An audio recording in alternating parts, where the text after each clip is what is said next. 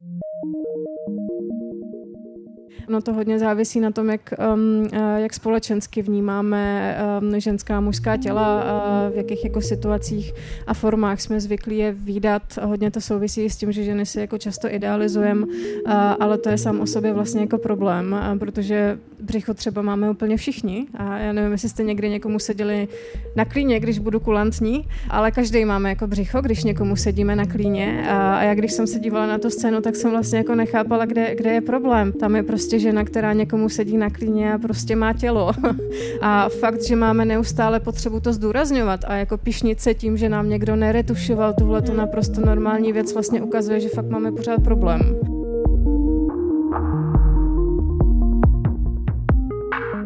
Jak dnes zobrazujeme sex, nahotu a diverzitu v současné televizní a seriálové tvorbě a jak k sexu a rozmanitosti přistupují tvůrci, streamovací platformy a televizní společnosti a co na to my, diváci. Tak o tom bude aktuální podcast. Přeju vám fajn poslech. Šeptem. Šeptem. Intimní podcast o vztazích, lásce a sexu pro všechny lilky a broskve. Šeptem s Bárou Šichanovou na rádiu Wave.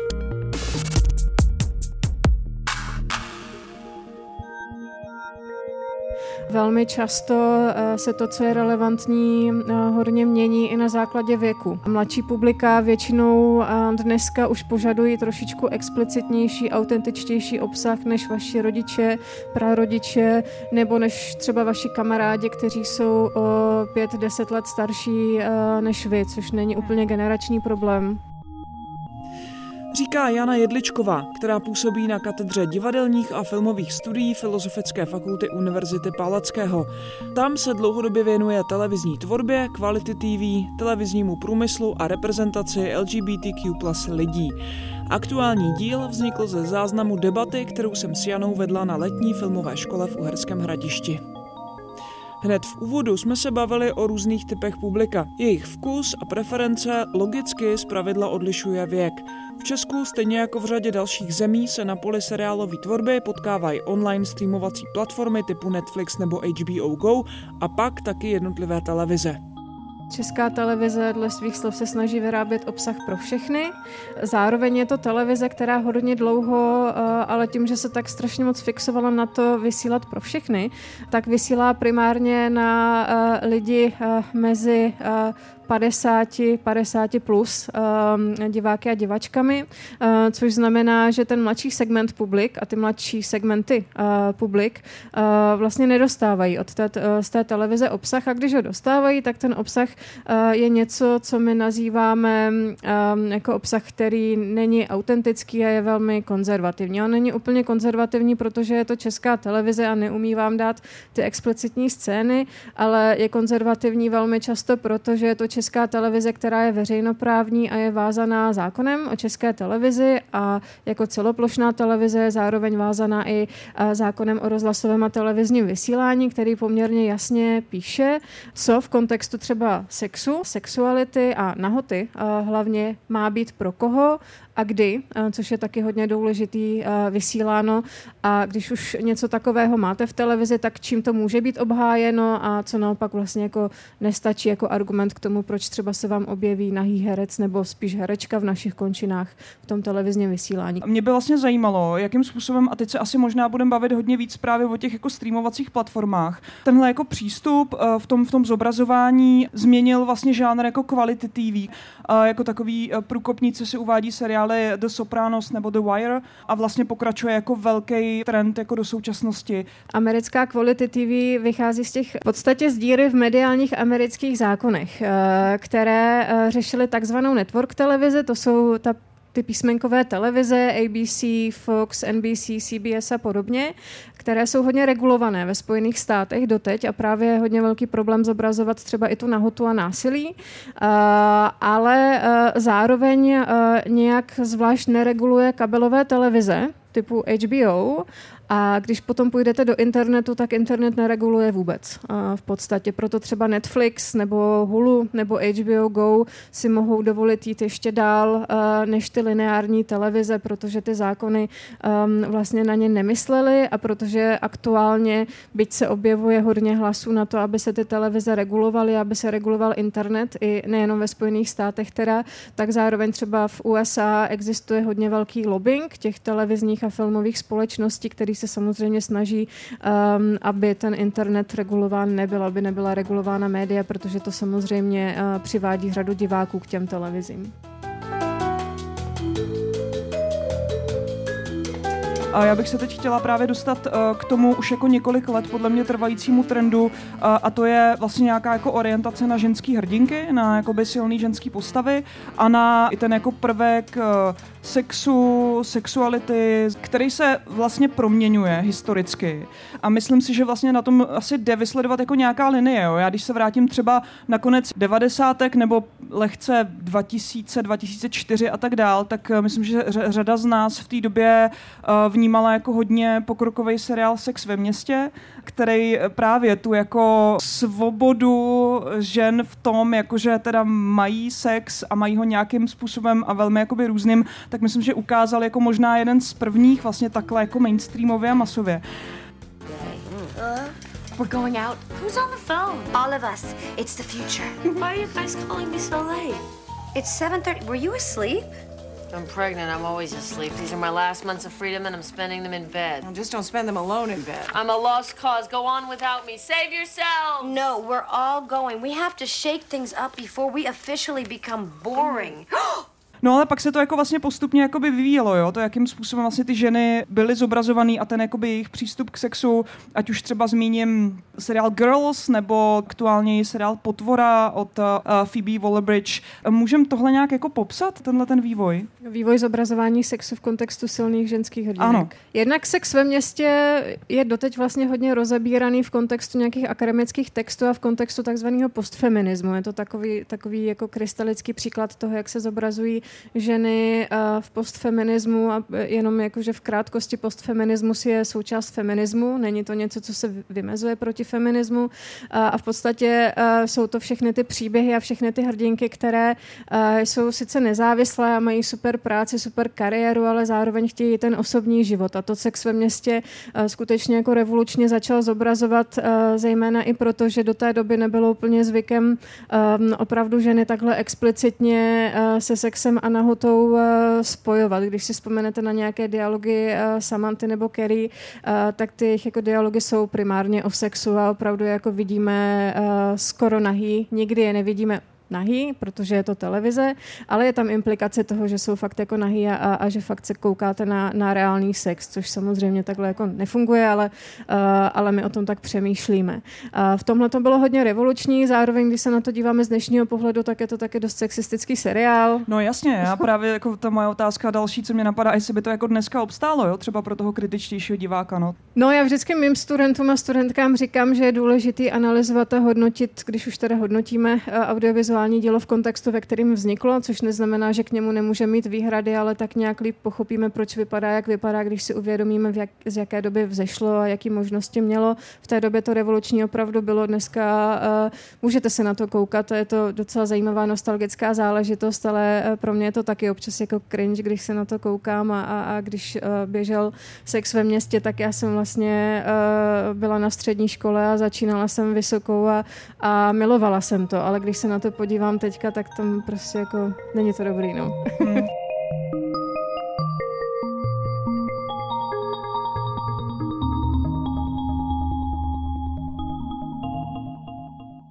Hannah, your mother and I, we feel that it may be time for one final push. What is a final push? No more money.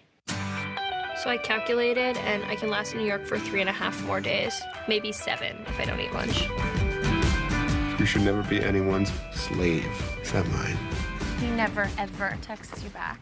Já myslím, že Girls a Potvora spolu hodně souvisí v tom, že oni, um, byť se to dneska fakt zdá už bizarní, uh, tak si dovolili a dovolují pracovat s nesympatickými hlavními hrdinkami ženskými, což fakt není běžné v televizní tvorbě a není to běžné v takzvané quality television, kde uh, většinou uh, ženy hlavní hrdinky se v quality television objevují teprve v posledních pět, sedm let. Je to docela brzo, nebo nedávno, eh, kdy se začalo pracovat s ženskýma hrdinkama. A už předtím byly nějaký pokusy a um, takový jeden z hlavních prvků kvality TV historicky byl, že ten hlavní hrdina vlastně nebyl hrdina, ale antihrdina. Hodně dlouho to byl muž. A um, zejména v tom americkém kontextu se hodně dlouho nedařilo um, konstruovat uh, antihrdinky. Ty, řekněme, silné ženské hrdinky, což, což je jako problém sám o sobě, jak tu sílu vlastně charakterizujeme, které ale nejsou sympatické. My se s nimi jako vlastně nemáme stotožňovat, i když jim občas uh, jako hodně fandíme. Uh, a uh, ukázalo se, že diváci a divačky úplně nejsou zvyklí na to vnímat ženy v těch negativních polohách, aniž by je jako odsuzovali. Uh, takový druhý tony soprano uh, v ženské verzi uh, byl hodně dlouho problém v televizi. Často se uvádí třeba Damages z Glenn Close jako projekt, který uh, pracoval uh, s ženskou anti hrdinkou a který američtí diváci vůbec nepřijali právě, protože Glenn Close nebyla sympatická pro divačky a diváky to byl jako najednou problém. Ale Girls a Potvora tohle to najednou jako prolamují a mám vždycky radost, když se koukám na nějaký televizní seriál, kde, kde ta ženská hrdinka fakt dělá uh, něco um, velmi morálně pochybného a je to Potvora. Potvora dělá, to je pravda. But then their parents split up. Mum died. You really are very good looking. Thank you. Very. Thank you. Very. Thank you. It's been really nice to spend the day with a normal family. The only thing harder than having to tell your super high powered, perfect, anorexic, rich super sister that you've run out of money is having to ask her to bail you out. I'm just gonna ask her. I'm just gonna come. Do you need to borrow money? No. No, jak vlastně silný je tenhle ten jako moment toho, eh, toho stotožnění se? Eh, je to, je to fakt jako něco, co třeba je i důležitý pro nějakou jako uvěřitelnost, autenticitu a tak dál? Ono hodně záleží na žánrech. Eh, jsou třeba žánry jako sitcom, kde, který se s totožněním vůbec nepracují, protože by jinak nefungovaly, když se někomu nebo s někým chcete smát. A taky důležitý rozdíl, tak potřebujete mít distanc, a, ale zároveň, když jste v dramatu a, a quality TV, tak to stotožnění často potřebujete. A zároveň ale není úplně nutné, jak se to dřív tvrdívalo, stotožnit se s hlavní postavou nebo s jakoukoliv jinou postavou, abyste si to dílo užili. A vy se velmi často potřebujete spíš stotožnit s nějakou ideou nebo hodnotou, kterou ten pořad prezentuje. Nenutně to musíte vázat jenom na ty postavy, ale poměrně dlouho to byl přístup, který zastávali i tvůrci a tvůrkyně těch televizních pořadů, proto i se taky nedařilo často prosadit ty ženské antihrdinky do těch seriálů a až vlastně se vstupem těch autorských dramedy a, sitcomů a quality TV, za kterými stály často ženy jako, jako tvůrkyně, tak se to najednou jako daří, protože oni mají unikátní perspektivu a, a ukazuje se, že muži, když píšou ty ženské antihrdinky, tak velmi často se jako idealizují a pak to antihrdinství vlastně nefunguje jako hmm. princip. A mladší diváci a divačky do nějakých 35-40 let uh, si zvykli v těch obsazích uh, hledat autenticitu uh, jako Eh, prvek, který je pro ně hodně důležitý a eh, zároveň sledují integritu nejenom toho pořadu, ale zároveň celé té značky. To znamená, že v momentě, kdy vám Netflix tvrdí, že, eh, že ho zajímá diverzita, tak logicky Netflix musí najímat tvůrce a tvůrkyně, kteří pochází z různých vrstev, z různých skupin. A netýká se to jenom sexuální orientace nebo etnika nebo rasy, ale i různé jako společenské vrstvy. Šeptem. Podcast, který se nestydí. Když bys třeba měla zmínit nějaký konkrétní příklady, kde ta autenticita se povedla, kde to za tebe vlastně funguje, tak eh, co, co by to třeba bylo a proč? No, určitě May I Destroy You, což, eh, na což jsem koukala eh, během eh, covidu a nevím, jestli to byl úplně dobrý nápad, protože je to velmi traumatizující záležitost, ale je to jedna z těch věcí, které jsou hodně autentické. Možná pojďme říct, tam myslím důležitý i ten příběh, tak jestli můžeš ve stručnosti nějak popsat. Jednak je to um, autorská záležitost, je to dramedy, který je víc drama, který mu se ale tak jako hystericky smějete, protože ty věci, o kterých to je, jsou hrozný a hlavní postavou je novinářka, blogerka, mm, mm. A, která je, je to černoška a, a ona je znásilněná, nicméně takovým způsobem, že, že vlastně celý ten seriál je o tom, jak se vyrovnává jednak s tím traumatem samotným a vůbec jenom jako ten fakt, že, že přiznat si, že se vám něco takového stalo, abyste se s tím mohli začít vyrovnávat, je v tom seriálu strašně krásně v horizontu mnoha epizod proskoumávaný, což samo o sobě je pro diváky dost traumatizující, nejenom pro tu postavu. Zároveň je to ale taky je jeden z mála seriálů, který opravdu jako zapracovávají tu zkušenost, že uh, ona je černoška, uh, což má obrovský vliv na to, na to její zkušenost. Uh, takže se tady pracuje s takzvanou intersekcionalitou, uh, s tím, že prostě lidi uh, a jejich identita není jenom jedna věc. Uh, vy jste součástí nějakého společenství, máte nějaký gender, nějaký věk, kamarády, kteří pochází z nějakých sociálních vrstev, uh, vzdělání, který vás nějak formovalo a podobně. Uh, a ta vaše zkušenost je vždycky tímhle tím hodně poznamenaná a unikátní a máte a nemáte možnosti, jak se jako s tou věcí, která se vám stala a nemusí to nutně být um, znásilnění, vyrovnat. A co je geniálního, je to, že ta hlavní postava je hrozně nesympatická. Ona, ona se občas chová jak totální kráva. A je to skvělý, protože většinou, když se zobrazuje v televizi eh, znásilnění, tak um, jednak je to vlastně exploatováno velmi často, k tomu se možná ještě dostanem. Um, jednak uh, se velmi často stává um, výhradně uh, ženám, které jsou vykreslené až tak jako antisepticky andělsky, uh, tak jako nevinně, uh, že vy vlastně nemáte jedinou možnost, než jako s nima soucítit, ale to je taky jako všechno, vás to vlastně nenutí nad tím přemýšlet.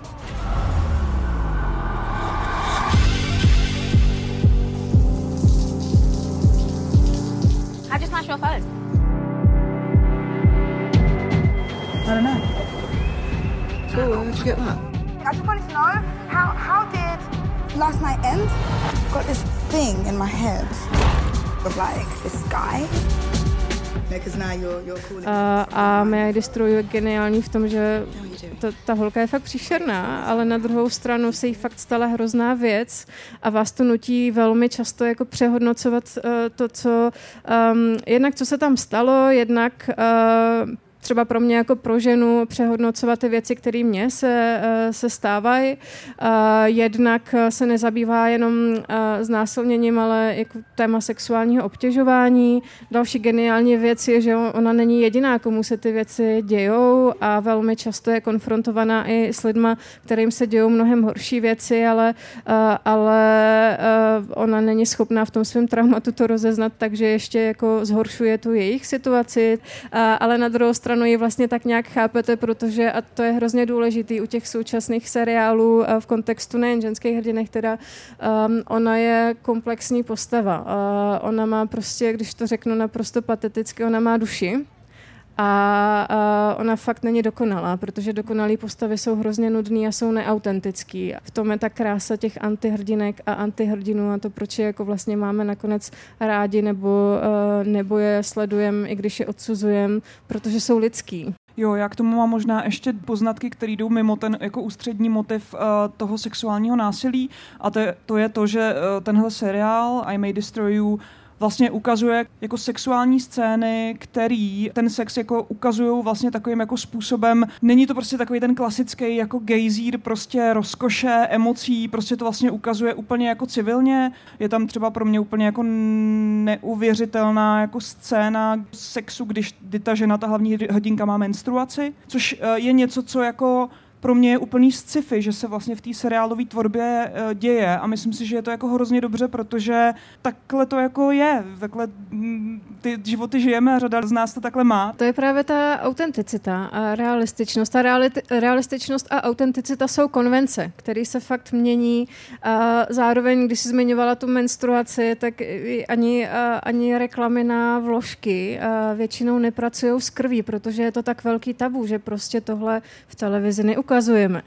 A tady najednou to máme v naprosto jako uh, situaci, hmm. která je taky problém zobrazovat i v televizi, teda mimochodem sexuální uh, styk uh, v televizi je, je uh, tak jako tabu uh, stále, ač to tak jako pod vlivem těch HBO seriálů moc nevypadá, uh, ale ukázat sex, kde ukážete, že má žena menstruaci, ukážete tampon a ještě máte sex se ženou, která menstruuje, to je úplně uh, neuvěřitelná záležitost.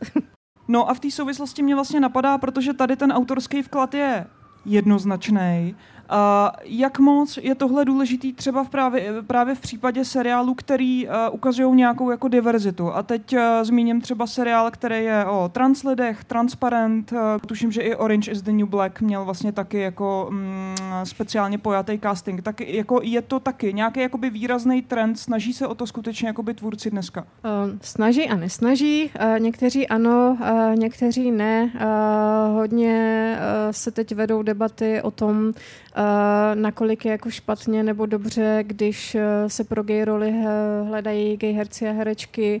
To samé a ještě, ještě snad jako hlasitější debata je v kontextu trans lidí Vlastně se to řeší nejenom v kontextu zobrazování na plátně nebo na televizní obrazovce, ale i, i průmyslově, protože jsou na to navázané třeba i v uvozovkách problémy v kontextu castingu, i, i třeba co dělat, když uh, hledáte transherečku, transherce a oni přijdou na casting, ale nikoho si z nich nevyberete, protože vám prostě třeba herecky nevyhovují, nakolik je to dobře nebo špatně, že obsadíte někoho, kdo trans není. I can't even tell you how many times I've been in public space, particularly early in my transition, when I would walk into a subway car and people would just burst into laughter. And I think people are have been trained to have that reaction.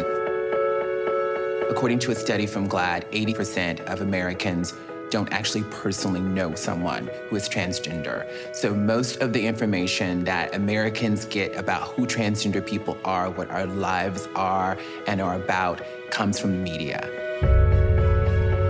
We've been around since there was uh, footage. You just have to look for us. Uh, Netflix udělal výborný dokument Disclosure, uh, nevím, jestli to má český překlad, popravdě řečeno, který je takový trošičku zapovězený plátno uh, o translidech. Pokud neznáte zapovězené plátno, tak to je z 90. let dokument o uh, reprezentacích uh, gay lidí v kinematografii. Disclosure je jak o filmu, tak o televizi. A je to hrozně zajímavá věc, která trošku odhaluje, jak to v tom průmyslu funguje.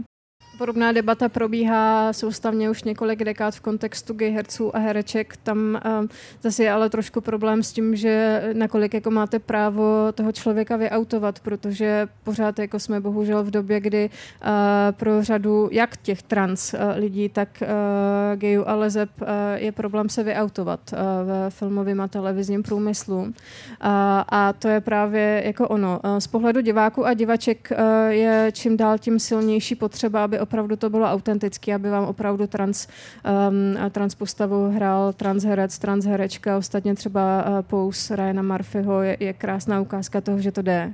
Jo, to je pravda, no. To je a pravda. že to vypadá fantasticky. a je to skvělá věc. Focus, children. It is time we remind the world who we are.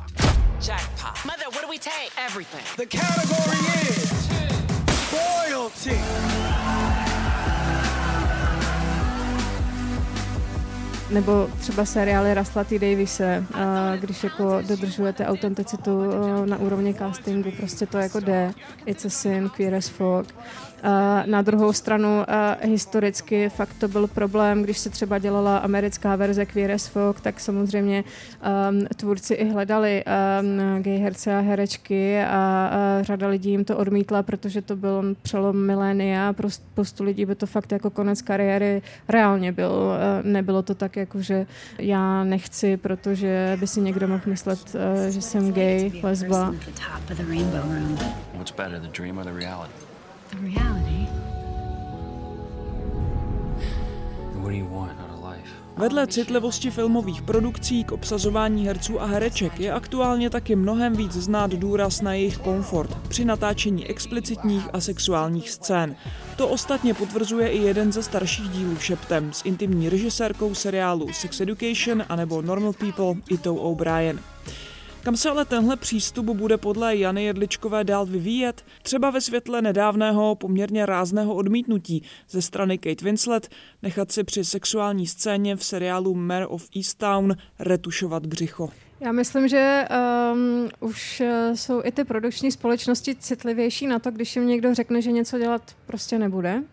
Uh, i, I v kontextu mýtu uh, je tohle jeden z pěkných efektů. Na druhou stranu je, je třeba si přiznat, že, že se to neděje ve všech produkcích a uh, herečkám se často stává, že v tom lepším případě dostanou pověst potížistky a opravdu jim to jako ničí kariéru i teď. Uh, a, a nebo jsou prostě z toho projektu vyhozený a no to hodně závisí na tom, jak, um, jak společensky vnímáme um, ženská a mužská těla, uh, v jakých jako situacích a formách jsme zvyklí je výdat. Hodně to souvisí s tím, že ženy si jako často idealizujeme, ale to je sám o sobě vlastně jako problém, protože břicho třeba máme úplně všichni a já nevím, jestli jste někdy někomu seděli na klíně, když budu kulantní, ale každý máme jako břicho, když někomu sedíme na klíně. A, a já když jsem se dívala na tu scénu, tak jsem vlastně jako nechápala, kde, kde je problém, protože tam jako tam je prostě žena, která někomu sedí na klíně a prostě má tělo.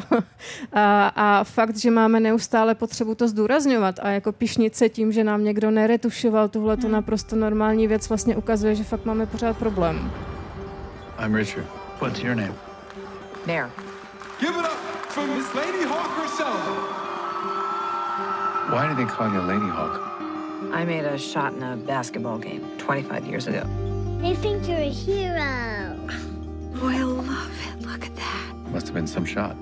Most places, no. Around here, yeah.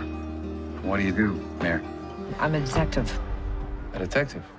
You don't have any bodies hidden under your porch, do you? Uh, not yet, no. Mýtu na jednu stranu hodně změnila filmový a televizní průmysl ve Spojených státech, třeba v České republice to zase tak horky není, bohužel. A na druhou stranu, pokud třeba sledujete vývoj kauzy s Kevinem Spacem nebo teďka byla Cosbyho, tak zase až tak dramatické ty změny bohužel nejsou, jak to jako vypadalo, ale mělo to třeba vliv na, na některé projekty, obzvlášť ty projekty, které opravdu se snaží být autentické, snaží se cílit na určité typy publik, které tohle to hodně vnímají citlivě a ty fakt už si dneska moc nemůžou dovolit tohle ignorovat právě proto, že by najednou vypadaly neautenticky, narušilo by to brand. Uh, brand je hrozně důležitá věc uh, v dnešním televizním průmyslu všude po celém světě uh, a v momentě, kdy, um, kdy na tom svém brandu nepracujete nebo uděláte něco, co ho narušuje, tak ti diváci vám fakt odchází. Ale um, mý to třeba mělo obrovský vliv i na zapracovávání těchto témat do televizních pořadů, že se mnohem víc začínají objevovat pořady, jejichž hlavním tématem je sexuální obtěžování, znásilnění, který se neexploatuje, což byla jako běžná a je běžná praxe v televizní a filmové produkci. A... Pojďme možná tohle ještě rozvést, protože ty jsi to zmínila teď po druhý, tak uh, jak to vypadá, co si pod tím vlastně představit? Není problematické, když se vám v televizním nebo v uh, pořadu nebo ve filmu objeví nějaká nahá postava, není problematické, když zobrazujete, um, nebo je to problematické z hlediska zákonu, ale není na tom vlastně nic špatného. Občas jako máte důvod, proč někoho nahýho zobrazíte v televizi nebo ve filmu. Občas máte relevantní důvod, uh, proč uh, ukážete nějakou i explicitní sexuální scénu. Uh, a byť se o tom vedou docela diskuze, tak dle mého soudu jako občas máte relevantní důvod, proč zobrazíte znásilnění. Problém je ale v tom, jakým způsobem tyhle ty věci zobrazíte a hlavně, jestli mají nějakou funkci v tom vyprávění.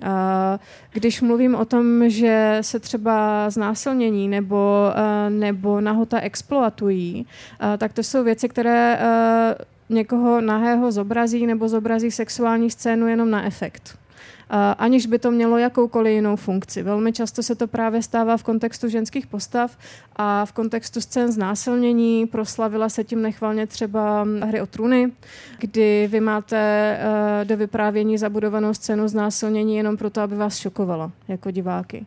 A o dvě, tři scény později ta postava, velmi často ženská, odchází, usmívá se, pohoda, žádný efekt, eh, žádný vliv to na ně nemá, na, na její psychiku. Eh, vůbec se k tomu nevracíte, eh, vůbec se to nějakým způsobem nerozebírá. To jsou právě ty případy exploatací, kontraseriály jako May I Destroy You nebo mm, Fall s Gillian Anderson, taky jako geniální seriál. Hmm. Uh, kde je to hlavní téma. I've been brought in by the Metropolitan Police to lead a review into the investigation of the murder of Alice Monroe. We've had our share of murderers in Belfast, but never anything like this. Love you. Love you, Daddy. No one here has the experience she has. Welcome to Belfast. killer is out there somewhere, and we have nothing at all. Two professional women killed in their own homes by strangulation.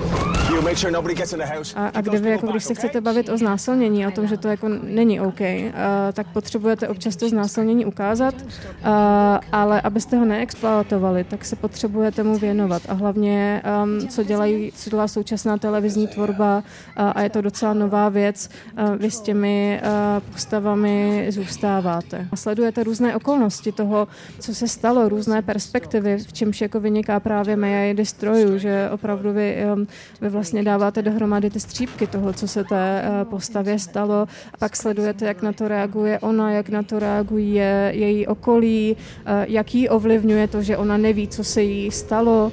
Prostě s tou postavou zůstáváte a má to nějakou funkci v tom narrativu.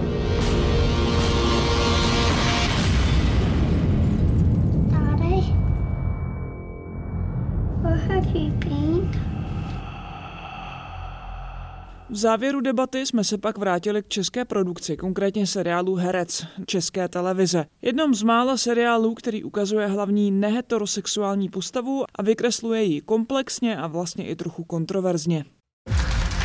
Výborně. Táhnul se celý představení. Třeba ti seženu místo u nás ve svazu mládeže. To asi těžko. Mámu soudili za kolaboraci. Člověk přeci nemůže za svoje rodiče. Jestli to zvládneš, necháme tě v divadle. Budeš slavný. No, já když jsem to poprvé viděla, tak jsem si říkala konečně, konečně v prime timeu na české televizi, to mě šokovalo hodně, uh, musím říct. A strašně se mi líbilo, že to není um, uh, pozitivní postava, protože to je jeden jako z dalších v uvozovkách problémů, že třeba gay postavy hodně dlouho i v tom americkém kontextu byly zobrazovány jenom pozitivně a, a ono vlastně vždycky jako dojdete zase k tomu, že je to neautentický a nerealistický a, a, a hrozně um, idealizovaný, což je škodlivý. A ono, ono fakt jako e, lidi jsou lidi. Mimo jiné taky uh, pozitivně idealizované postavy jsou strašně nudné a uh, moc diváky a diváčky neinspirují, ale když, když máte více rozměrnou postavu, uh, která ještě jako um, v herci uh, Jancina um, geniálně stělesňuje ta, ta morální dilemata, kde ta postava vlastně není hrdinská, ale v tom je vlastně její obrovská síla, protože žije v době, která, uh, která nutí toho hlavního antihrdinu přežít. Uh, a on má několik relevantních důvodů, jako chtít přežít a obávat se zároveň o svůj život. A pro mě to bylo úžasné i v tom, že uh, nejenom, že si česká televize konečně troufla v uvozovkách mít další hlavní postavu, která není heterosexuální, asi s celkem dvou, když započítám herce v dějinách tvorby české televize spolu s Redlem. Jo, já jsem se chtěla zeptat na to, jestli to druhý byl Redl, byl to Redl. Ano, ano. Nic jiného česká televize nemá. I spojit to s tím jako společenským kontextem, což je další věc, protože česká televize se hodně vyhýbá těm politickým uh, tématům a historickým tématům, která jsou problematizovaná. Uh, a můžeme si o tom myslet cokoliv. Um, vlastně mně se to strašně líbilo právě protože se to nebálo být kontroverzní. A mně tahle tvorba chybí a, a samozřejmě e, tvorba české televize je zoufale heterosexuální. A chtělo by to trošku reflektovat aktuální společenskou situaci. A ČT na to má a, a zároveň se teďka snaží a bude snažit oslovovat mladší diváky a divačky a nic jiného jí jako nezbyde. Včera tady měl prezentaci tým uh, nové uh, VOD uh, platformy Včko, uh, která se bude spouštět na konci roku. Bylo tady prezentovaný um, Reels uh, od Lucie Kajánkové, TBH, tuším, doufám, že nekomulím ten název toho web seriálu, možná, že ano, omlouvám se, který taky jako se věnuje mladším divákům a divačkám, pracuje s postavami minorit, uh, nejenom sexuální orientace a je to, myslím, dost jako dobrý směr, kterým se možná jednou vydáme. Uh, nepředpokládám, že to budeme mít um, uh, zával a velký příval LGBT seriálů, ale myslím, že je to jako na dobré cestě. My máme totiž ten problém, že jsme asi jako 20-30 let zpátky za, za zahraničím. Ono to přijde, televize se tomu nevyhne, i kdyby jako echt nechtěla, ale prostě to bude trvat, no.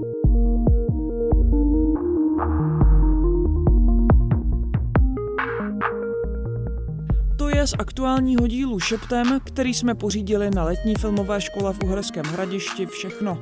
Moc děkuji Janě Jedličkové, že byla mojí hostkou. Vy se mějte pokud možno dobře, užijte si poslední prázdninový dny a těším se na vás příště. Ahoj.